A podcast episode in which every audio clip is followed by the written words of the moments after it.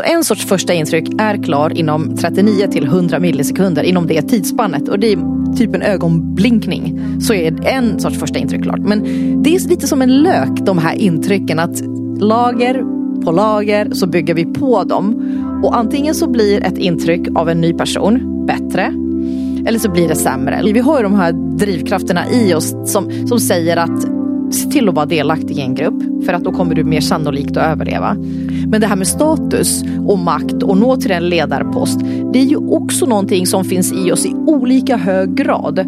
Och just när det kommer det här med ingrupp och utgruppsfenomenet så ja, vi bedömer de som är i vår egen grupp mer positivt.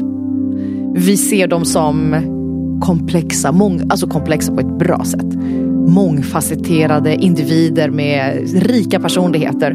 Medan de andra, de är så lika, de är nästan utbytbara, lite anonyma. De är, jag kan knappt skilja dem åt lite.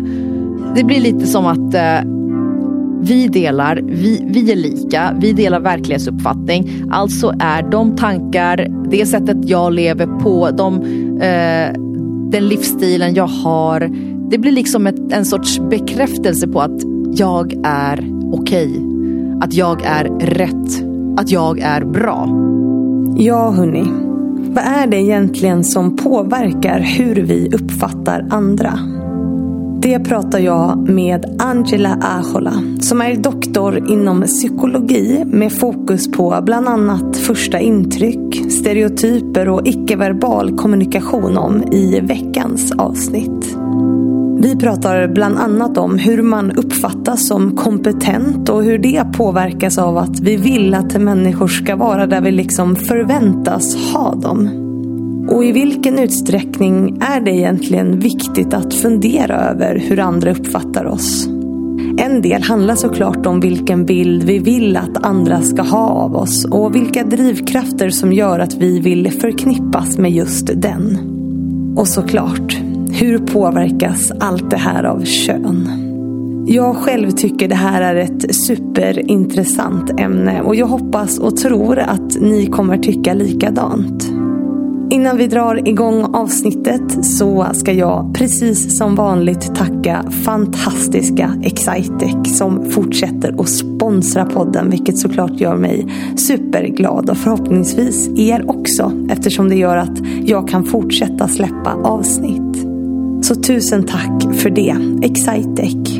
Men nu, kära lyssnare, precis som vanligt, rätta till lurarna och dra upp volymen. För här kommer ett avsnitt med Angela Ahola.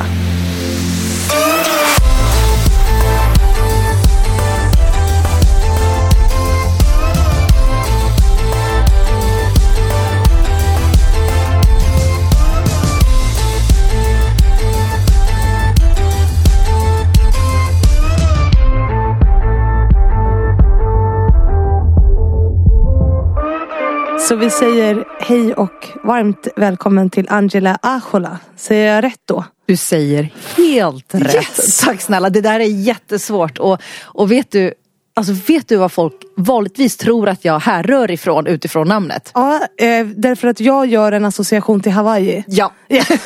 Alla tror, det är ju Finland förstås, men, eller förstås, Eh, förstås, förstås, men ändå. Det är, inte, det är inte så förstås. Nej, jag vet. Aloha, ahola, det, det, det blir Hawaii lätt. Ja, Ahola, men då säger jag rätt. Man säger lite så. Ja, Ja, häftigt. det var jätterätt. Men jag, hade, jag har nog i mitt huvud hemma sagt Angela Ahola.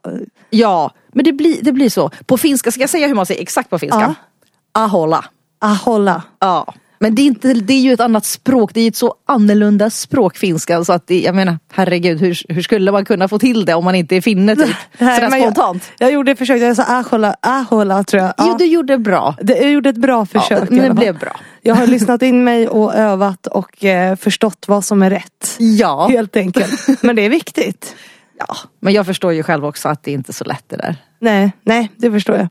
Men du, eh, varmt välkommen hit. Tack snälla. Jättekul att, att ha dig här faktiskt. Jag är så glad att vara här. Ja, du, du jobbar ju med något väldigt intressant som jag är väldigt nyfiken på. Men jag Härligt. tänker att alla gäster som kommer hit, de brukar få börja med att presentera sig själva. Så vi ska inte bryta den trenden tänker jag. Utan, Nej. Okej. Eller ska vi? Nej. Nej, jag är jättemed på det. Jag är helt med. Så du får presentera dig själv och säga, vem är Angela? Ja, kortfattat så jag heter alltså Angela Ahola och eh, jag arbetar som föreläsare, så kallad inspirationsföreläsare och eh, skriver böcker. Så att det är väl professionellt sett de två benen jag står på. Tidigare har jag forskat inom psykologi så jag är liksom innerst inne en forskare och det, det kommer jag aldrig sluta vara. Så att eh, jag har den här nyfikenheten och forskare ville jag ju bli. Just på grund av den här nyfikenheten som jag verkar vara född med. Att, och det, det som var så fascinerande, eller det som är så fascinerande med forskandet, det är just att man kan få fortsätta vara nyfiken hela livet. Och man kan få skapa kunskap. Liksom att man kan bidra på något sätt till världens totala kunskapspool genom att ha sina hypoteser, frågeställningar och sen få svar på dem genom att själv skapa experiment och studera. Så att det är professionellt sett, det är den biten. Och eh, privat så bor jag här i Stockholm. Jag är född i Stockholm i en finsk familj. Jag har två barn, Alexia och Antonia. Så att det, det är mitt liv. Jag, det, det är liksom barnen, de ska upp varje morgon, lagas frukost till, skickas iväg till skolan. Och så jobbar jag på, på mitt hemmakontor vanligtvis. Så det är liksom kort om mig. Vad, vad roligt, Angela, Alexia och Antonia. Ja! Vilken trio! Ja, ja, ja, Eller- ja. Och så aholla på det så det är massa Ah, A. just det. det är liksom trippel, kvadrupel A, eller vad säger man? Verkligen. Var det strategiskt eller bara blev det så? I första namn, första dotter, äldsta dottern Alexia, då stod det mellan Alicia och Alexia och sen blev det, ah men Alexia det är så fint och det pass, det, det, det kändes som att det, det var så här, passa med Ahola också sen. Och, Men sen andra dottern, då var det faktiskt en, då var vi inne i en butik. Jag och barnens pappa och skulle handla och vi bara, ah, vi hade fått ett barn. En liten underbar bebis som var då lilla syster till Alexia och vi hade, vi hade så svårt att komma på namn. Och vi gjorde namnlistor och höll på och kämpade. Och så såg vi en säljare som hette Antonio. Ah, Så vi bara, hmm, det där kanske kunde bli fast en tjejvariant av det. ja. Ja, intressant. Ja. Men du, är du psykolog i grunden eller? Ja, vet du jag är doktor i psykologi Ja. och det är lite skillnad. Och det, det är jättesvårt att veta vad är skillnaden egentligen. För att eh, psykolog, då jobbar man kliniskt med patienter. Och jag jobbar med liksom människor som, som behöver hjälp på olika sätt och stöd. Men doktor i psykologi, och orsaken till att jag valde den vägen istället. Det var just på grund av den här nyfikenheten av att få det här med kunskap och få lära sig och få, få skapa denna kunskap. Så då forskar man. Och det är, längre, det är ett par år längre utbildning än att bli psykolog. Så att det är lite olika vägar man väljer då. Mm. Superintressant. Och jag, och jag, jag tänker så här. Eh, vi ska ju prata om ditt ämne som är superintressant. Men också, eftersom det här handlar ju om jämställdhet, den här podden gör ju det. Hur har det varit att vara kvinna i den världen? Jag tänker att det är inte så kvinnodominerat, eller är det ganska mansdominerat? Åh, nu måste jag tänka till hur, för det var ju några år sedan som jag Det har ändå varit ganska blandat där. Men det är klart om man skulle verkligen kolla på detaljnivå så är det ju förstås mycket möjligt att du vet anslag, forskningsanslag. Jag ska inte säga någonting om det men, men det, är möj- det är klart att möjligheten finns att även där är det så att män får forskningsanslag lättare än kvinnliga forskare etc. Så att, så att det är klart, om man tittar på siffror så är det ju möjligt att det skulle kunna vara så. Som jag egentligen inte kan uttala mig om idag. Nej, för det är, så, det är så intressant. För nu kommer, det här ska vi ju prata om med fördomar och liksom hur man uppfattar människor. För det här är ju du väldigt bra på. Och jag uppfattar ju dig som en ganska så här, sprudlande människa, mycket energi. Och kanske lite, jag, jag skulle inte sätta dig i facket forskare. Förstår du? Om jag ska utgå från mina egna fördomar. Eller liksom hur jag själv, jag hade inte satt dig i det facket. Vilket på något sätt känns ändå som att du bryter normer på något sätt inom ett område. Eller har jag fel? Vet du, du har så rätt skulle jag vilja säga. för att få, det, jag brukar höra någonting liknande från människor så du är inte den första. För Nej, jag, har- det jag, jag förstår det höll jag på att säga. Men alltså det är ju, människor är ju så. Jag är ju också sån. Förlåt. Ja, och vi, och, och vi är ju alla födda med fördomar och stereotyper. Och, och det, ha- det, det, det här har ju i grunden att göra med, med vår både individuella och vår arts överlevnad. Mm. Så att eh, jag behöver vara snabb med att kategorisera och klassificera mina medmänniskor. Att, att nu liksom kliver person A fram här till mig och vill prata, vem det nu än må vara. Så är personen i fråga en potentiell vän eller en potentiell fiende då, gud förbjude. Så att eh, det är ju liksom, det är den första avvägningen vi gör och det visar forskningen att den första frågan vi inom oss ställer oss om varandra och då andra ställer om dig och mig när de träffar oss. När vi ska in i det där viktiga mötet eller i dejten, i någonting, vad som helst. Så är det, kan jag lita på den här personen? Är det här en snäll, godhjärtad, empatisk person med hjärtat på det rätta stället? Så det är liksom det första klustret av egenskaper som vi läser av, det är just värme. Och det andra är kompetens, förmåga, kapacitet.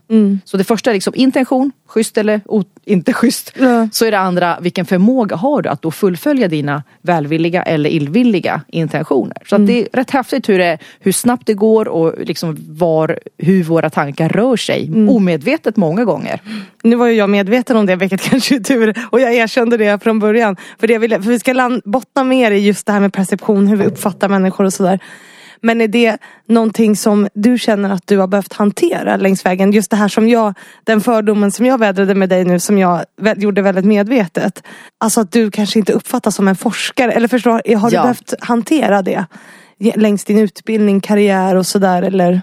om man, om man tänker sig att vara mer sådär lite extra glad kanske. Och du nämnde ordet tror jag, sprudlande. Ja. och jag jobbar ju med inspirationsföreläsningar också. Och då kan man ju inte vara sådär jättetorr och tyngd av sig och i sitt sätt. Så att, så att ja det är klart. Och samtidigt så tyvärr på ett stereotypt vis så förtar ju det lite av liksom det här seriositeten, eller inte seriositeten men kompetensen och kapaciteten kan det vara att om man är väldigt så här, om folk tänker att oj den här personen är jätte så här, glad och man ler jätte jätte jättemycket och man är ja, verkligen så här, sprudlande typ i sitt sätt.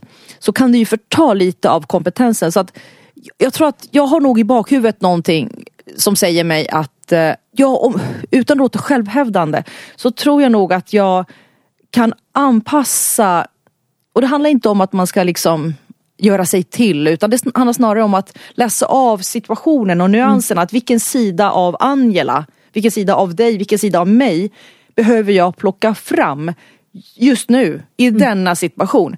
För att jag får också höra när jag väl föreläser så får jag höra att då kan jag gå in i någonting annat som är ganska mer så här, auktoritetsbetonat och mm. liksom med mycket mer pondus. Då, så att jag förstår vad du menar och jag håller helt med och jag brukar få höra det och jag, jag tror att jag tror jag väljer, tänker jag, hur jag, jag liksom naturligt hamnar i olika typer av, eh, inte roller, men liksom plockar fram olika sidor av mig själv i olika sammanhang. Så att det ändå blir så pass auktoritärt för att andra ska lyssna när jag väl tänker att det här är ett viktigt budskap. Nu behöver de lyssna för att det här kommer vara bra för dem. Tänker jag då. Eftersom det här kommer deltagarna, publiken, ha nytta av i sitt liv. Och då kommer jag kunna förmedla det med mer, mer tyngd då. Förstår du vad jag menar? Jag förstår för du gör det nu också. nu sitter jag väldigt medvetet här och analyserar dig. det Just för ämnet, det gör säkert du också. Eh, nu speglar vi varandra också. För nu sänktes ditt tonläge och du blev, hela ditt kroppsspråk blev väldigt eh, annorlunda för er som, som eh, lyssnar. Att för nu ville du betona något, eller hur? Och Ja. då blev du mer auktoritär. Ja. Du liksom tog på dig, superintressant. Oj, jag blev alldeles... nu börjar jag analysera dig här. Men det är ju lite kul och det, det är väl bra att vi gör det. För att, Ja. jag menar, det finns ju pedagogiska poänger som, som människor har nytta av. Och det här är ju det är ju så fantastiskt när vi kan lära oss, när vi människor kan lära oss det så att, och vi pratar om jämställdhet idag, så det, det är klart att vi vill att människor, kvinnor, ska veta och lära sig verktygen till att verkligen kunna ta plats och kunna nå sina mål och sina drömmar och inte placeras i fack där de inte ska sitta av Nej. sina medmänniskor. Så det är ju underbart att du analyserar mig, Ja. om det nu kan hjälpa någon. Nej men jag bara så, det blev så himla tydligt. Men det vi säger så här, och, eh, kvinnor ska kunna ta plats och sådär. Men att vi gör anpassningen, för du använder också ett ord som var auktoritär. Och det här kan jag ha fel i. Men, men auktoritär är ju oftast någonting som vi uppfattar som knyter ihop med kompetent. Liksom på något sätt. Och det har ju varit en del av ledarskap innan att man ska vara så, oh, oh, liksom så. Men det är också ganska knutet till en manlig norm. Är det någonting du har reflekterat över när det kommer till liksom hur man vill uppfattas? Ja, det, det är ju det. Och samtidigt, vi lever ju alla med med de här, jag ska inte säga helt uråldriga, men de här stereo, könsstereotyperna, vi lever ju med dem. Och om det är så att, eh, låt säga 80% av alla chefer som jag har omkring mig eller tänker på mm. råkar vara män. Det är klart att då kommer ju liksom ledarskap kopplas ihop till könet man. Mm. Och då kommer ju det bli ett, en utmaning för mig sen om jag vill bli en ledare på någon nivå. Mm. För jag, kan inte, jag har inte tillräckligt med personer som jag kan identifiera mig med och, och se liksom omkring mig. Att, för, för då kopplas alltså ledarskapet ihop med att vara man. Mm. Och det blir ju dumt. Så att ju bättre vi får liksom, siffrorna desto bättre blir det för oss alla. Därför är förebilder viktiga. Ja. Fannys förebilder. Det var inte alls strategiskt. Klockrent. Men du, för nu har vi börjat grotta in oss lite här på ämnen eh, ändå. Men jag tänker att vi ska prata om vad du faktiskt har forskat inom som är ju perceptionspsykologi, eller hur? Ja. Vad är det för någonting? Perceptionspsykologi det är ju varseblivandets psykologi med ett annat ord. Och det handlar alltså om hur vi via våra fem sinnen tar in information om vår omvärld. Mm. Och sen hur vi sen tolkar och bedömer allt vi ser, allt vi är med om. Men det är också socialpsykologi det jag har forskat inom och mm. rättspsykologi. Så att eh, min avhandling var just inom egentligen den forensiska psykologin som, som har med rättspsykologi att göra, socialpsykologi och perceptionspsykologi i mm. ett och samma paket. Och, och, och vad, vad var det för ja, forskningsstudie? Det, det låter superintressant. Det var det. Uh. Herregud, så intressant. För att i den så hade jag den stora förmånen av att studera svenska domare, alltså mm. yrkesverksamma nämndemän, åklagare, advokater, poliser och juridikstudenter. Mm. Och, och de fick ta del av ett antal fiktiva brott. Mm. Att det här brottet har begåtts, det här är, och sen det som varierades, det var då, var det en kvinna eller en man som begick brottet? Mm.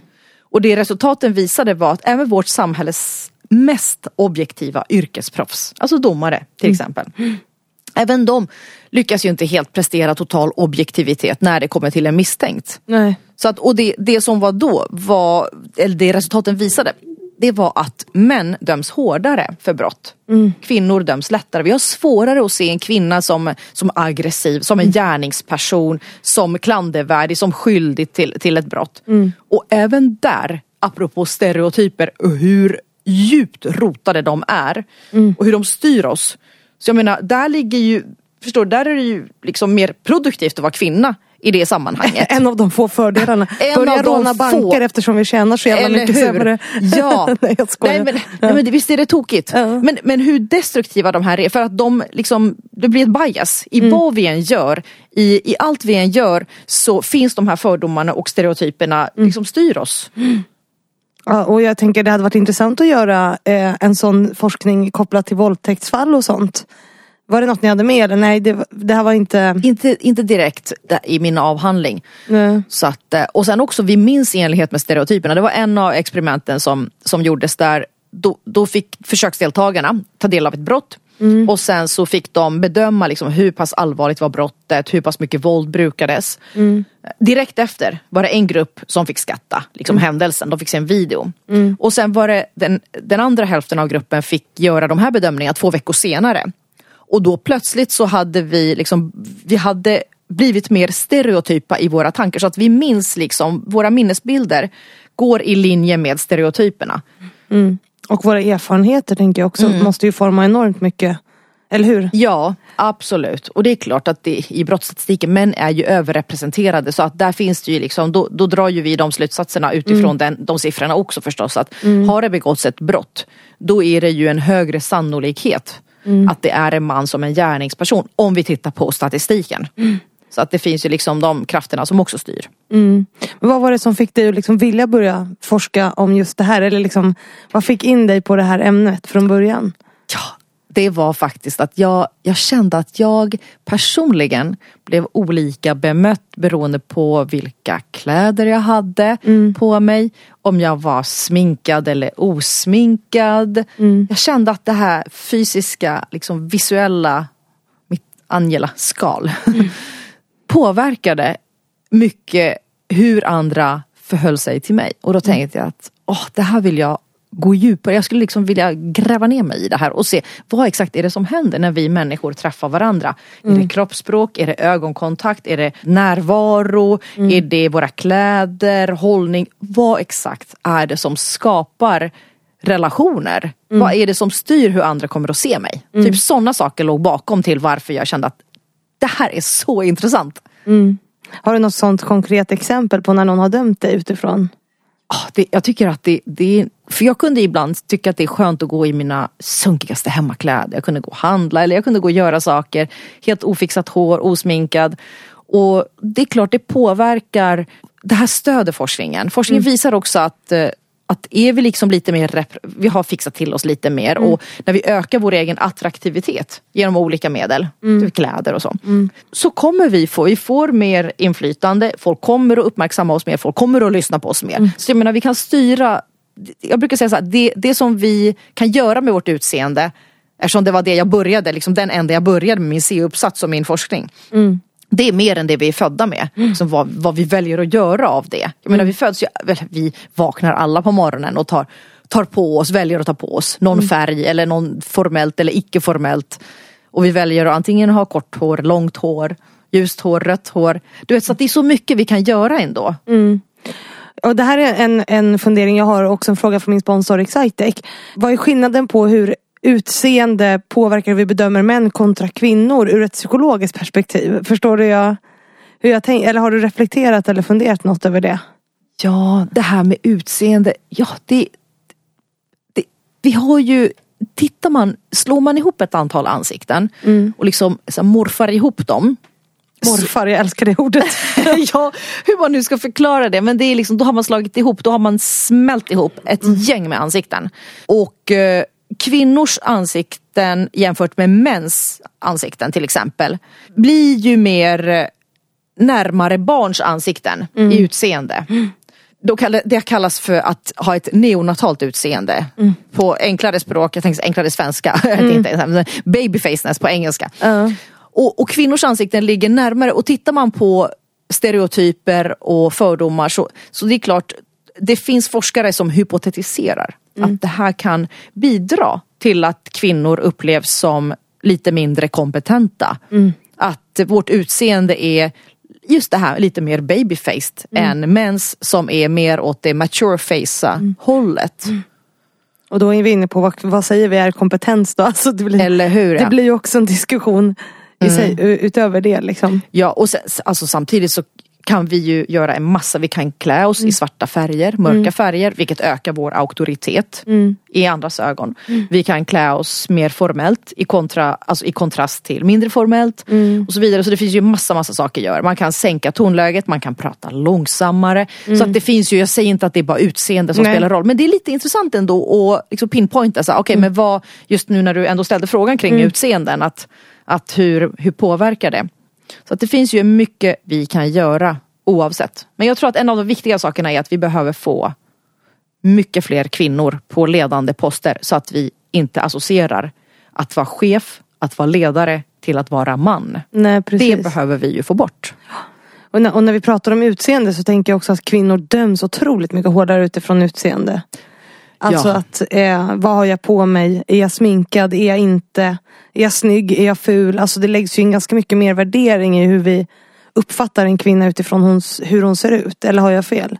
Jag håller med dig. Mm. Jag, och jag tycker att det har, det har i grunden att göra med att kvinnor vi, vi har ju inte 100% jämställdhet idag. Nej. Absolut inte. Nej. Och det är ju vilket Kruxet är att det betyder att så länge vi inte har det så skulle jag vilja påstå att då kommer kvinnor och det kvinnliga könet att uppfattas, att liksom vara mer objektifierade än männen. Mm. Männen är komplexa, männen är liksom normen. Nu, nu liksom lite grann raljerar jag och, och tar i men, men då är liksom mannen är normen. Jag menar bara det här med att gärningsman eller du vet det finns ju så många så här, yrkes Tull, mm. Inte tullare kanske men, men förstår du vad jag menar? Det är liksom att, att det är så många och vi behöver ju ändra vår vår vokabulär i mm. grunden när det kommer till så många ord. Mm. För att allt är ju med och skapar vår jämställdhet eller ja. vår brist på jämställdhet i samhället. 100 procent. Retoriken är ju avgörande. Ja. Det brukar jag prata mycket om i sociala medier framförallt. Ah. Just att man vänder på de där begreppen. Och då, när vi pratar om utseende så la jag ut en video där jag liksom vände på det. Där jag sa så här, men en man med tajt tröja, så här, vad menar han egentligen? Alltså vad är det för signaler han sänder till mig? Jag har jättesvårt att tolka det. Vill han liksom ligga eller vad är och det, det var så många män som blev så provocerade av den videon så att det var sinnessjukt. De blev jättearga. Men herregud. Ja. Och, och, det, och bara en sån, apropå retorik. Ja. Det, har ju, det heter ju typ, eller har hetat för, vad heter det? Förfader. Ja. Men, så så jag, jag vägrar ju liksom hålla mig på det spåret när jag skriver mina böcker. Så att jag har ju ändrat dem och jag, numera så skriver jag så här, för, våra förmödrar. Ja. Eller ibland förmödrar och förfäder. Men jag är väldigt noga med att eh, inte använda liksom för, förfäder fler gånger än ordet förmödrar. Bara för att jag vill inte bidra till ett ojämställt klimat. Ett, en, en ojämställd fortsättning i vårt samhälle. Det är jättebra för det är de medvetna valen som gör skillnad, tänker Ja. jag. Ja. Eh, enormt viktigt. Mm. Men du, ja, perception, vi ska tillbaks till det. Vi, vi, det här är ju mitt jobb som intervjuare. Vi hamnar på lite sidospår och sen tar jag oss tillbaka. Tur att du har koll på Jag vart vi ska. försöker, ska sväva försöker i alla iväg lite här och där utifrån olika tankar. ja, men, det, men eh, det är det här som är samtalen. Vet du. Eh, Ja. Men jag tar oss tillbaka till perception och första intryck som Mm. är något som du pratar om mycket. Ja. Du har skrivit böcker om det också. Eh, Ja. Hur gör man ett bra första intryck? Alltså, men vad är ett första intryck? Vad styr det? Alltså nu får du bara köra järnet här Ja. jag. Hur snabbt går det? Alltså det är ju jätteläskigt. Jag, ja förlåt du ska få svara själv. Men jag hörde något i en podd där du sa en 100 millisekunder eller något sånt där. Ja. Och det är ju ingenting. Ja visst är det. Det är som Ja. att liksom tappa en penna tills att det landar i golvet. Ja. Så det går ju så oerhört fort. Ja. Så att ja, det, alltså en sorts första intryck är klar inom Forskningen visar att det är liksom 39 till 100 millisekunder inom Mm. det tidsspannet. Och det är typ en ögonblinkning. Ja, så är absolut. det en sorts första intryck klart. Men det är lite som en lök de här intrycken. Att lager på lager så bygger vi på dem. Mm. Och antingen så blir ett intryck av en ny person bättre. Eller så blir det sämre. Låt säga att vi ska in på ett möte. Mm, Jag eller du. Och den personen som vi kommer att träffa. Så att de kommer ju intuitivt och instinktivt ha bildat en sorts första intryck fort. Och sen beroende på hur det går så kommer det att gå att antingen åt det liksom positivare hållet eller mer åt det negativa hållet. Och vet att efter att det första intrycket är klart så går resterande tid åt till att hitta bevis för att vårt första intryck var rätt. Och för att stärka det liksom. Ja, så Vad är det när du- confirmation? Confirmation bias. Ja. Confirmer. Så att det du sa att det är lite läskigt. Ja, det är lite läskigt. För, Ja. att, för att det går jättefort och sen så blir det så bestående. Att då Mm. vill ju, om antingen andra har sett liksom mig via ja, de här positiva glasögonen, jag har gjort ett bra första intryck. Mm. Så vill de fortsätta se mig utifrån det filtret. Mm. Allt jag hör, eller allt de hör, allt jag säger och så vidare. Så att då vill man hålla fast vid den här bilden oavsett om den är bra eller dålig. Men du sa att vi dömer människor utifrån, utifrån fem olika personer. Eller vad var det du sa innan? Jag snappade upp något som du sa. Siffran fem kommer jag ihåg. Ja, kan det vara de här egenskaperna Ja, som vi bedömer? Ja, för det finns egentligen i huvudsak två stycken kluster av egenskaper. Mm. Och det ena är det här med värme, vän eller fiende. För det är ju det första Mm. som vi behöver ha koll på när vi träffar någon ny. Du vet att, att kan jag, behöver jag springa, fly eller kan jag Mm. Överleva, lugnt liksom. stanna kvar? Så det är nummer ett. Och där i det paketet finns pålitlighet, liksom, kan jag, vågar jag anförtro mig, kan jag lätta mitt hjärta, nu befinner jag mig i, låt säga, i skilsmässa eller någonting. Att, att är det här en person som jag kan liksom känna mig trygg med på alla plan? Och det andra är det här med förmåga, kapacitet, kompetens, ledarskap. Så att det är det andra. Om man tänker sig att en, så här, en snäll person som då inte har så hög förmåga, som man kan tänka sig lite av en dumbom, elakt sagt då. Elakt lite skämtsamt. Så då, då är ju det en person som, ja men det är varken ett hot eller liksom något speciellt sådär och, och vara rädd för i alla fall. Det är något som bara, någon som bara existerar i all vänlighet. Men en person som är till exempel både ond, nu om vi tänker på den första dimensionen, liksom inte snäll utan då riktigt ond. Och samtidigt har en hög kompetent. Det är ju otaliga personer som under vår mänskliga historias gång har lyckats ta sig både högt och långt upp i liksom maktens korridorer. Och då är det ju inte på grund av deras goda hjärta. Utan det är ju på grund av att de kan vara så himla strategiska och manipulativa. Och, och det värsta är att när en jag ska inte nämna några namn, vi ska inte bli politiska på det viset. Men jag menar jag tror inte någon av oss behöver tänka jättelänge för att komma på några sådana personer, liksom ledare. Mm. Som befinner sig i den rutan, den här, om vi tänker oss en fyrfältare i mm. den kategorin. Mm. Så, ja, så det är ju lite det som är skrämmande att eh, det är inte alltid de här välvilliga, goda människorna som når till ledarposterna utan många gånger är det de andra och de andra kan ha ett starkt driv mot makt dessutom. Mm. Så att de är beredda att göra mycket för att nå dit medan de här välvilliga gemytliga, härliga, mysiga människorna som är jättesnälla. Som egentligen vill ha som en chef. Som också har så organisatorisk och ledarskapsförmåga. Mm. De, ja, det är ju de vi vill ha som ledare. Mm. Varför kan inte de bara liksom ta sig dit istället? Nej, det, och det här har ju, hänger ihop tänker jag med stereotyper och makt och vad vi har förknippat med det innan. Också hur vi uppfattar människor, vad uppfattar vi? För jag tänker du har inte bara en perception av liksom människor utan du har ju det också av din omvärld. Alltså jag har ju en uppfattning av min omvärld och vad som är rätt för ledare, för makt.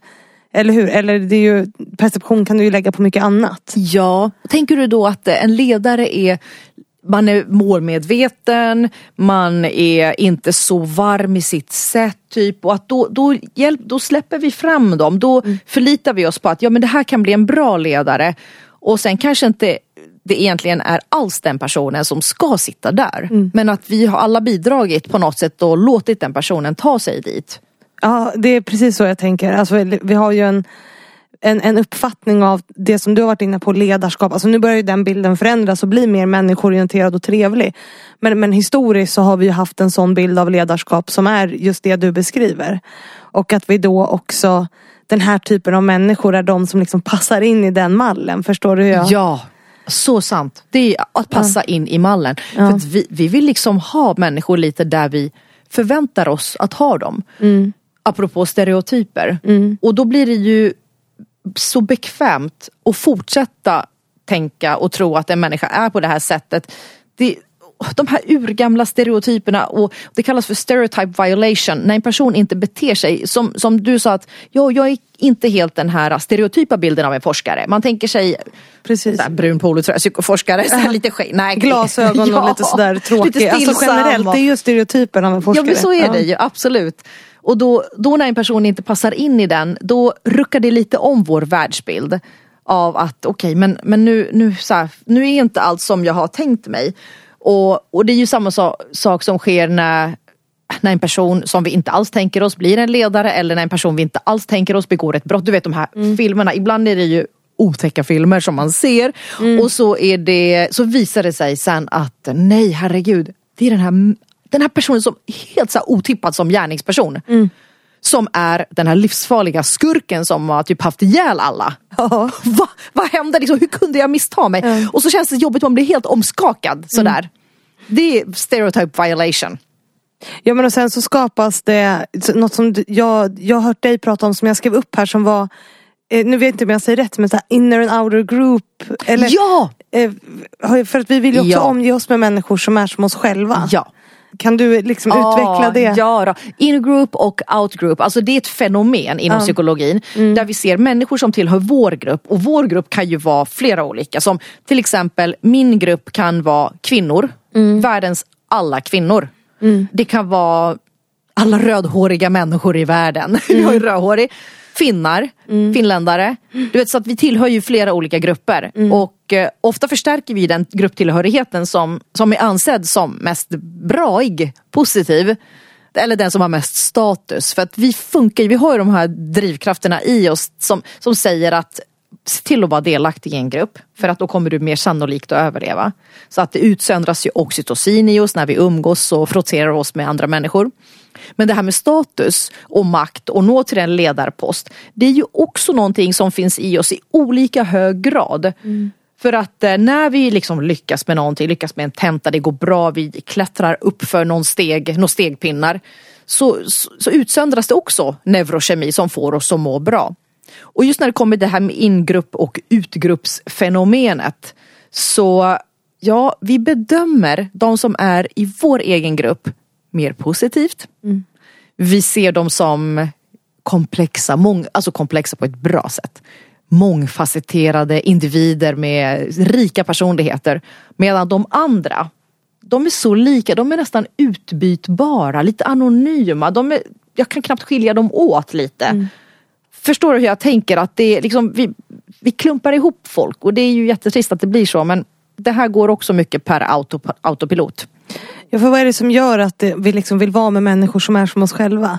Det blir lite som att vi delar, vi, vi är lika, vi delar verklighetsuppfattning. Alltså är de tankar, det sättet jag lever på, de, den livsstilen jag har. Det blir liksom ett, en sorts bekräftelse på att jag är okej. Okay. Mm. Att jag är rätt. Att jag är bra. Mm. Ja, det blir, och det blir mycket enklare att, att leda och jobba med människor som är som en själv också. Ja, det blir. Och man ser också attraktionen i, ja. i om vi ska titta på dejtstudier. Eh, så, så är det ju så att attraktionen, vi känner mer attraktion för personer som är lika oss. Mm. Och vi, vi dras lättare till varann. Mm. Och samtidigt, det blir mindre konflikter mm. när, när, när man tänker ungefär lika. Om man har någorlunda samma bakgrund eller kultur eller någonting. Att man delar liksom referensramar. Så mindre, mindre att bråka om. Mm. Fast samtidigt säger man ju också opposites attract. Ja. Eh, jag försöker gå till mig själv vad jag liksom attraheras av och det är ju inte män som är som mig. Ganska så här, för jag kan ju vara ganska energifull och sådär. Jag vill nästan ha motsatsen. Ja. Män som är lite mer lugna så här, för oh. att så att det, det, är väl dubbelt det där tänker jag. Det är jättedubbelt och, och det är ju faktiskt precis som du säger på många sätt. För att vet du, jag har också samma tendens i mig känner mm. jag att eh, det på något sätt balanserar ut lite grann. Mm. Det blir en här skön kontrast. Mm. Och personligheterna, det mest utbredda liksom, ramverken när det kommer till att se på personligheter. Mm. Det är Big Five och då finns det liksom fem olika e-, grundegenskaper där. Och då, vissa är mer utåtriktade, vissa är mer så spänningssökande, man tycker om att ta en ny väg bara för att uppleva mm. lite ny miljö och så vidare. Så att ja, många gånger är det så att när man tittar på människor och parrelationer så att vara lika när det kommer till värderingar. Ja det är avgörande. Ja mm. det är det. Men personlighet, där får man gärna avvika för då, då, då, blir det, då kan det bli snarare så att, att komplettera precis som mm. du säger. Mm. Då blir det en bättre väg. Så att vissa saker ska man typ, ska och ska men du vet, mm. blir det bra att vara lika kring. Och sen mm. andra saker som perso vad heter det, personligheten så kan det vara bättre att hitta någon sorts så här, synk, att vi synkar varandra. Att vi mm. blir som ett pussel. Och det där är mycket jätteviktigt att tänka på också när man bygger team liksom i näringslivet tänker jag. Men, men tyvärr är fortfarande en utmaning ja. när det kommer till att bygga team i näringslivet. Alltså att man ofta rekryterar människor som är som en själv. Liksom. Ja, det är ju verkligen ett, ett problem. För att, och sen så sitter man där på, om det är några resor man åker på och så Ja men att det ena leder till det andra och sen så rekryteras det för mycket för lika människor. Mm. Så att ja, du har så rätt att det, det, det är verkligen, där behöver man hitta sätt att mm. komma ifrån det. Mm. Men om vi går tillbaks då till första intrycket som vi nu ja. igen har. Så Fast vi är ju inne på det men, men allt har ju på något sätt ett stickspår någonstans. Ja. Så det går fort, det bildas fort. Ja. Eh, jag ska försöka hämta upp den här tråden igen. Eh, det går fort, det är två kluster av egenskaper. Det här med. Värme mm. och kompetenskunnande som är det viktiga. Mm. Konfirmeringsbiaset gör att vi gärna håller fast vid det. Vi har mm. svårt att bortse ifrån hur vi har börjat, hur vi tänkt oss liksom initialt om den här människan. Så är det bra, då vill vi fortsätta se personen som en bra person. Mm. Så det är väl lite, och de här intrycken de fortsätter ju styra oss mm. i arbetslivet. Det, vad vi än gör, folk kommer att dra sina slutsatser. Mm. Och det, det, det, även om vi tänker att ja, vi ska ge den här personen en chans och vi kan bli bättre. Mm. Och jag tror att vägen hur vi kan bli bättre, det är just genom att inse att eh, de här mekanismerna finns i oss. Så här bedömer mm. vi varandra. Vi gillar folk som är lika oss själva. Vi värdesätter vissa egenskaper mer än andra egenskaper. Vi till exempel utåtriktade människor som är lite, har lätt till ett leende och är glada lite naturligt. Mm. De blir det ju lättare för. Men det är ju inte alltid de som är kanske det bästa komplementet till teamet utan det är kanske den där lite inbundna personen som är en fantastisk person. Mm. Men som lite, som inte kommer fram till sin rätta vid första tillfället. För att mm. de behöver bli lite uppvärmda i relationen liksom, och känna, lära känna varandra lite mer. Mm. Och, och det är ju det. Är. Och du sa förut att, att man liksom, eh, det första man bedömer hos en människa är om den är godhjärtad eller du, du använde några ord där som du sa. Eh, vad, varm och snäll och varm godhjärtad. Och snäll och godhjärtad och det ja. var det här första klustret. Ja. Vad är det som gör att vi bedömer någon som, som så? Alltså att de är varm och godhjärtad och så vidare. Ja, en av de egenskaperna är faktiskt leende. En person som ler och eh, man har sett att just det här med att ja, men ansikten generellt sett har är kopplat till vår överlevnad. Och sättet på vilket de är så tätt kopplade till vår överlevnad är genom att vi försöker spana in den andras ansikte fort för då kan vi se känslostatus. Om personen ser glad ut är personen förmodligen inget hot.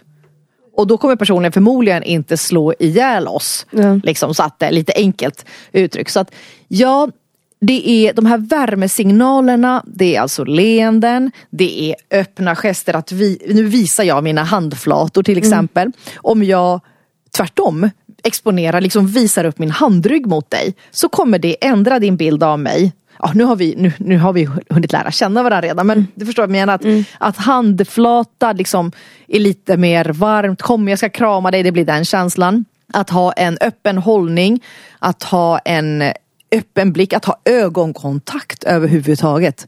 Man har till och med sett att i foton där människor ser in i kameran så minns vi bättre de personerna. Så att det blir liksom mer ett förtroende redan där på den nivån.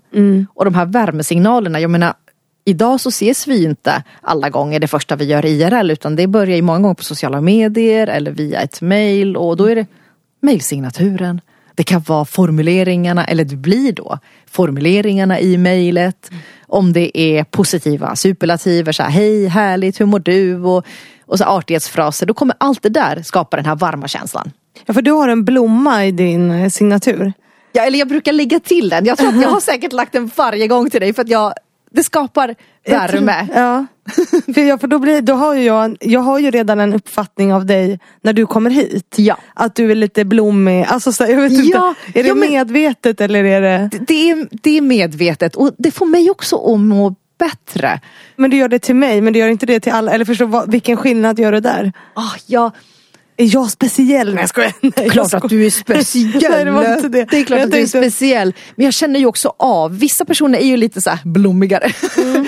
så att eh, det, det är klart att, eh, och, alltså jag skulle inte lägga med sju stycken emojis om det var en okänd person som, eh, som är väldigt formell i sitt sätt. Och skriver Mm. så här extremt formellt. Men jag tycker att, att lägga med kanske en liten blomma eller, eller någonting sånt där och inte fler emojis, det skapar lite mysig känsla. För jag, jag vill ju ha bra relationer, jag vill ju att det ska kännas bra för då mår jag bra. Och så är det ju med oss människor, vi mår ju generellt bättre. Inte precis alla men, men många av oss mår bättre när vi har gått omkring oss i vår relation. Och den här blomman hjälper, tycker jag. Ja, men den gör det. Och, och jag har också noterat det. Att du lägger en blomma.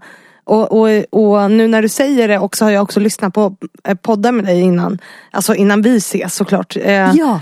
Och, och då, i en podd så pratade du om det här. Då, tän- då tänkte jag att det måste vara medvetet att du lägger en blomma. Ja, När du skriver. det är det. Eh, det är väldigt intressant eh, faktiskt. De Ja. här emojisarna dock tar ju över våra liv. Ja. Alltså, alltså, ja, det är en annan diskussion. Eh, Så sant. jag tänker när jag pratar med mina tjejkompisar när de smsar med killar. Då bara, ska jag skriva den här emojin? Jag bara, men who cares? Men, Ja. men obviously så är det ju viktigt på något sätt. För Ja. jag har ju fått en uppfattning av dig Ja. eh, genom det.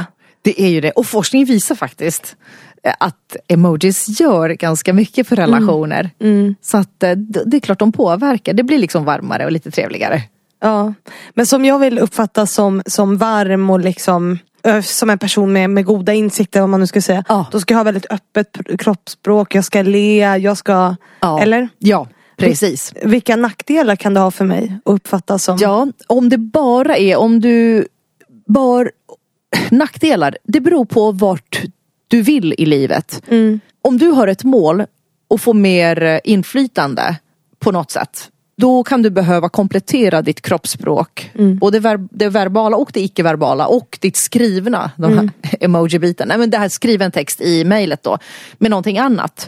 Och få in mer auktoritetssignaler för att, för att lyfta upp den här andra dimension, andra klustret av egenskaper. För att folk kommer, de kommer inte att tänka så här, nej men jag har inte, jag har nog inte så mycket, jag har inte tillräcklig information om Fanny här. Så att nej men jag backar, jag väntar tills vi har träffats, sen kommer jag dra mina slutsatser. Nej, de fun- människor vi funkar inte så utan vad den är för ett halmstrå så kommer vi liksom ta fasta på det.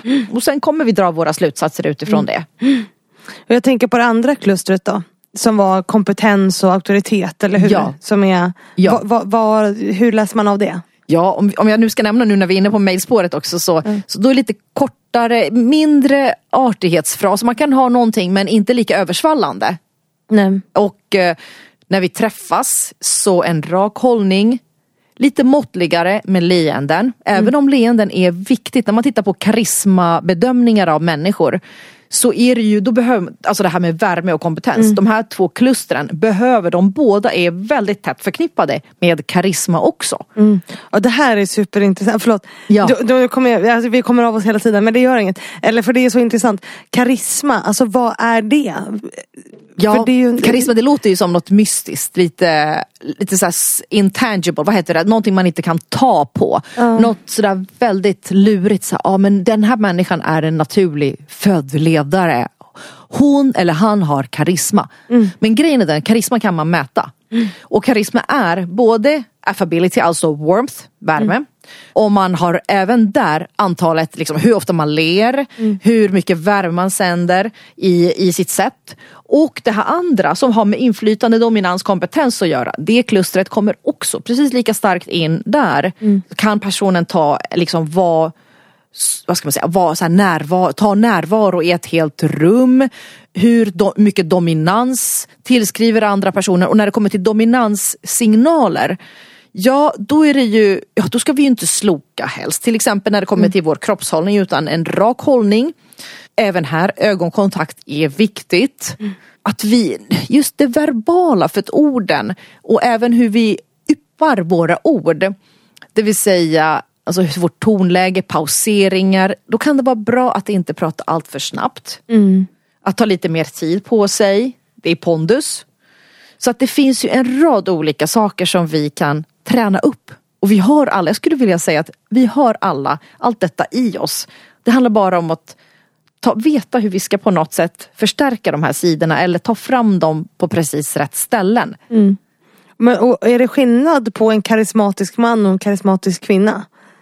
Det är klart, de här stereotyperna finns ju där. Ja. Och eh, jag har letat och kollat vad det finns för forskning kring det här. För att karisma, många gånger så mäter man karisma liksom över båda könen ihop sammanslaget.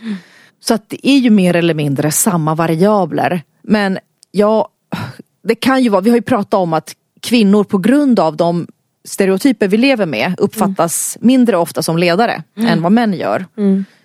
Så då spontant kan jag bara tänka mig att kvinnor får lov då att förstärka kanske periodvis det auktoritära. Samtidigt som, eftersom kvinnor är i lägre grad ledare idag.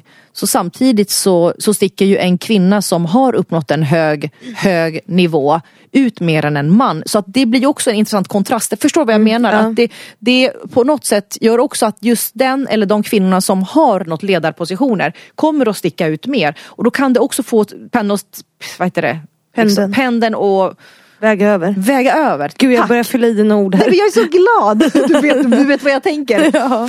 Ja, att, eh, att få den att tippa över liksom till att hon ses som ännu mer mäktig än vad en man i motsvarande position. Att den möjligheten finns ju då också. Alltså vi, vårt psyke är ju så fascinerande.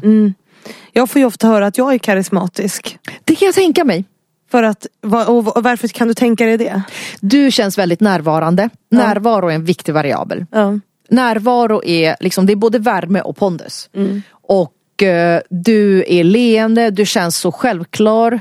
Så här kliché, klisch, klyschigt begrepp, du vet. Så här, självklar. Nej, men det, det är enkelt, det, det, känns väldigt, det känns naturligt, det känns jättesmidigt och det finns liksom inga så här, trösklar att ta sig över när man pratar med dig tycker jag. Utan det var, det var ju hur smidigt som helst när vi började prata till exempel. Ja, ja vad fint. Eh, har du, Så har där, ditt, för, no, för några olika anledningar till varför folk kanske upplever dig som karismatisk. ja för nu, det här, den här frågan får ju du ofta. Men, men eh, vad, det, vad var ditt första intryck av mig när du träffade mig? Men en härlig, glad, målmedveten person. Det är liksom båda de här dimensionerna. Känns som att det bara liksom fanns där. Har det förändrats någonting efter att vi har suttit här nu i 47 minuter so far och pratat? No, det Nej. har, det har det inte. Det tycker jag absolut inte. Eh, nej, jag har liksom hållit mitt... Du eh, har hållit jag har det. hållit min, min eh, Betyder det att jag är transparent eller betyder det att, alltså, jag förstår, eller att jag är... Ja, det tycker jag. Ja. Ja. det är bara en intressant fråga. Vi ska inte prata om mig. Jag bara Nej men det är kul, det är jag intressant. tycker att det är intressant Ja, att analysera. och det, är ju, det, ju, det, det säger ju rätt mycket också. Det, det är lite så här lärorikt tycker jag. Pedagogiskt ändå och att nu när vi pratar om hur vi, när vi träffades och hur vi drog våra slutsatser om varandra. Så att, så att jag, det är ju, apropå transparens, för jag tycker att livet blir, både, det blir enklare och bara vara liksom sig, ja nu för att vara så lite klyschig sig själv, autentisk. Så det blir lätt, andra kommer att slappna av lättare. För att då, då tänker de att ja, den här personen har ingenting att dölja. Och då, då blir det smidigare med umgänget. Mm. Och det här är ju, just det här att vara sig själv är ju väldigt styrt av, tänker jag. Och då kommer vi tillbaka till ditt ämne. Hur pass viktigt det är för oss hur andra uppfattar oss. Förstår du hur jag menar? Ja. Alltså att, Det är det. Och för att om jag, jag menar, vi har båda gått olika kurser och utbildningar och och- Alltså de flesta av oss har ju gjort saker och vi har vissa mål och vi vill uppnå saker och vi vill, om inte annat så vill jag vill att mina liksom barn ska städa sitt rum när jag ber dem göra det. Så att vi vill ju bli sedda och hörda och bekräftade och, och nå x antal mål i livet. Och, men, men om det är så att eh, andra inte bedömer oss på ett vettigt sätt. Jag menar om de inte ser, jag kan ju vara hur underbar som helst. Min personlighet, säger vi, är helt superfantastisk. Tänker vi. Men om jag inte lyckas förmedla det till min omvärld. Jag menar, då går jag ju runt och stänger vissa dörrar. Istället för att öppna dem. Så att det är ju så oerhört viktigt att verkligen få fram liksom mig själv. De här olika dimensionerna, få fram min personlighet, kunna, kunna känna mig bekväm, kunna känna mig liksom, och uttrycka mig på ett bra sätt i olika situationer. Så det är som du säger att jag menar, det räcker inte med att vara en bra människa. Ja, det är en grundförutsättning men det räcker liksom inte. Vi behöver få fram oss också, få fram det. ja, hur får man fram det på bästa sätt då? Ja. Jag tänker, vi, man vill ju uppfattas som kompetent till exempel som är ett ord som, som är en del av det här klustret. Hur, hur uppfattas man som kompetent då? Alltså, Ja, för att vi vill ju ha människor där vi förväntar oss ha dem.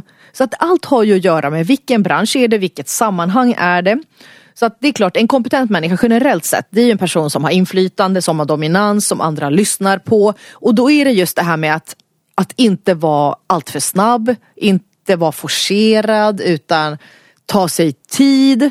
För att då sänder det signaler av att eh, jag eh, tar plats. Man kan också ta plats fysiskt med sina pinaler, bre ut dem på ett bord.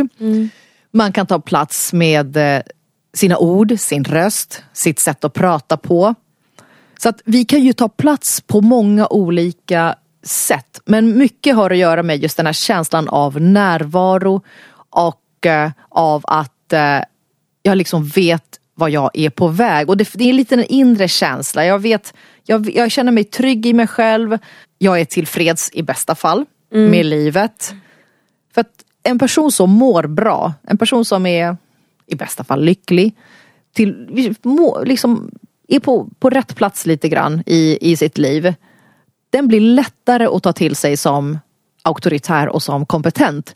En person som, som inte är, då, jag menar, då, är man ju, då är jag mer vilsen om jag liksom inte känner riktigt att jag är inte nöjd med livet, jag vet inte vart jag siktar och så vidare. Så att när vi på något sätt har liksom stakat ut vår, ut vår kurs och har det i, liksom, i siktet så kommer det att hjälpa oss. Mm. Men, eh, och det, och- men ändå så är det ju så här att studier visar ju att människor, både män och kvinnor, har lättare att tillskriva män kompetens. Vad, vad, vad är dina tankar om det då? Jag tycker i första hand två tankar kommer jag spontant på. Ja. Det ena är ju dels att ja, traditionellt sett, nu har vi ju haft under en lång tid fler män än kvinnor som är ledare. Mm. Så då blir det att ja okej, vi behöver en chef. Ah, ja men då är det väl en man. Det är som det, är som det här med att de säger att jo men den här läkaren, någon, någons läkare. Jag ser personer då, som jag nämner ordet läkare för, ser de framför sig en man eller en kvinna i en vit rock. Bara en sån sak.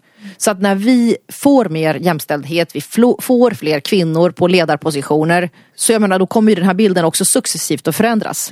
Absolut. Och det är klart, det andra är ju att eh, Ja, om nu, ja nu blir det faktiskt tre olika punkter, eller tre Ja. olika saker jag kan nämna. Men det andra är också att, ja men om, det, det här finns ju också i oss människor. I oss, i oss män, i oss kvinnor.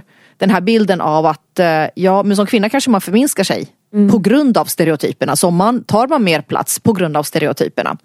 Och det tredje är just det här med att kvinnors utseende, men det är liksom en marginell, jag tycker att det är någonting som vi kan överbrygga ganska enkelt med andra sätt. Genom det här med att ta plats. Mm. Genom att ta inte ha för bråttom genom att vara mer formellt klädda. Mm. Använda mörkare kläder. Men jag, jag, nämnde det här med att ha ett mer neonatalt utseende. Alltså mer babyfaceness i sitt, uh, sitt utseende. Medan mm. mäns utseende på grund av liksom hormonella olikheter så, så får vi ju lite olika utseende. Det ser man ju, de här Disney-filmerna har ju dragit det till sin spets. Att det blir nästan karikatyrartat. Mm med kvinnors och mäns utseenden. Och så gör man ju ibland i tecknade filmer. Men det är ju också en sån aspekt att, eh, att utseendena är, liksom, det ena är mer moget mature face, det andra är mer babyfaceness. För att nämna liksom, några olika aspekter som kan bidra till just det här. Så om jag vill uppfattas som mer kompetent, då ska jag ta mer tid på mig. Jag ska klä mig mörkt. Jag ska breda ut mig med mina pinaler om jag har några. Det är några tips, eller hur? För att Absolut. uppfattas som kompetent. Ja. Men gör det som dig själv. Det är någonting ja. jag ofta alltså så vill understryka. att Gör det inte på männens villkor på något sätt. Nej. Då kommer vi ju aldrig ändra normen eller stereotypen på något sätt. Exakt. Så att man definierar för sig själv vad ja. det är. Ja, för jag tycker det blir det blir, vi hamnar inte rätt om vi på något sätt ska anamma någonting. Att vi, vi tror att för jag menar, det här, någonting som vi tror är ledarskap, det kanske inte är det som är egentligen ledarskap. Det, mm. det, jag menar, det kanske finns någonting annat, något bättre vi kan skapa. Mm. Bara genom att uh, vara oss själva, genom att tänka till och liksom utveckla den bästa version av oss själva. Mm. Hur viktigt är det att vi tänker på hur andra uppfattar oss? Eller alltså för att jag är såhär, I don't give a crap. Men det kanske, eller förstår du hur jag... För du är så himla bra på det. nej, men, nej, nej, nej, nej, alltså det var inte för att höja mig själv men men, men jag menar inte på ett dåligt sätt. Jag Nej. menar bara att det, det var väldigt det är naturligt. Det är så naturligt att vara med dig. Det ja. blir så enkelt. Ja, ja det, och det är jättefint. Men för jag tänker så här, det är klart att det är viktigt att vi har koll på hur andra uppfattar oss. Eh, där pratar jag med Annika R Malmberg om som ju jobbar mycket med relationer. Att det gäller att så här, spegla sig själv ganska mycket. Men det är skillnad på det och att låta hur andra uppfattas oss styra hur vi beter oss. Förstår du vad jag menar? Vill, förstår du min skillnad där? Ja, att eh, att ska vi göra oss till och försöka placera in, in, in oss i någon sorts schablon som vi tror att andra söker eller andra vill ha. Ungefär mm. så eller? Ja precis. Jag tror det. I kontrast till, i kontrast till, att, till att faktiskt fundera på vad är det jag vill, vem är jag och liksom utifrån allt det här bara bli den där bästa Fanny eller den där bästa Angela. Ja men vad sänder jag ut liksom? Ja. Ja, ja det, det är klart, vi behöver, jag tror att en bra grej är ändå att vara medveten om att eh, om jag, om jag liksom flackar, nu tar jag i, nu tar jag liksom, nu tar jag ett, verkligen så här, ett jättetokigt exempel, men bara för att illustrera att, att eh, om jag kliver in i en anställningsintervju till exempel och jag tänker så här, nej, jag vägrar då se den här intervjuaren i ögonen. Mm. Jag kommer att dyka upp i min vit-rödrutiga pyjamas mm. och eh, men förstår att en, en, en schysst vettig balans på något sätt där med, och, med att tänka så här, ja men i det här sammanhanget, eller om någon kompis till mig fyller år eller, eller så och så kommer jag dit och jag är inte alls ändamålsenligt klädd. Då blir det liksom inte så respektfullt mot den personen att jag kommer i mina hemmakläder eller något sånt där. Nej. Så att eh, det är klart, när vi väl på något sätt landar i det här, vem är jag och vad söker jag? Så, så då blir det lättare allting. Mm. 100 procent, så är det ju. Och vi måste börja avrunda för vi har spelat in länge. Redan!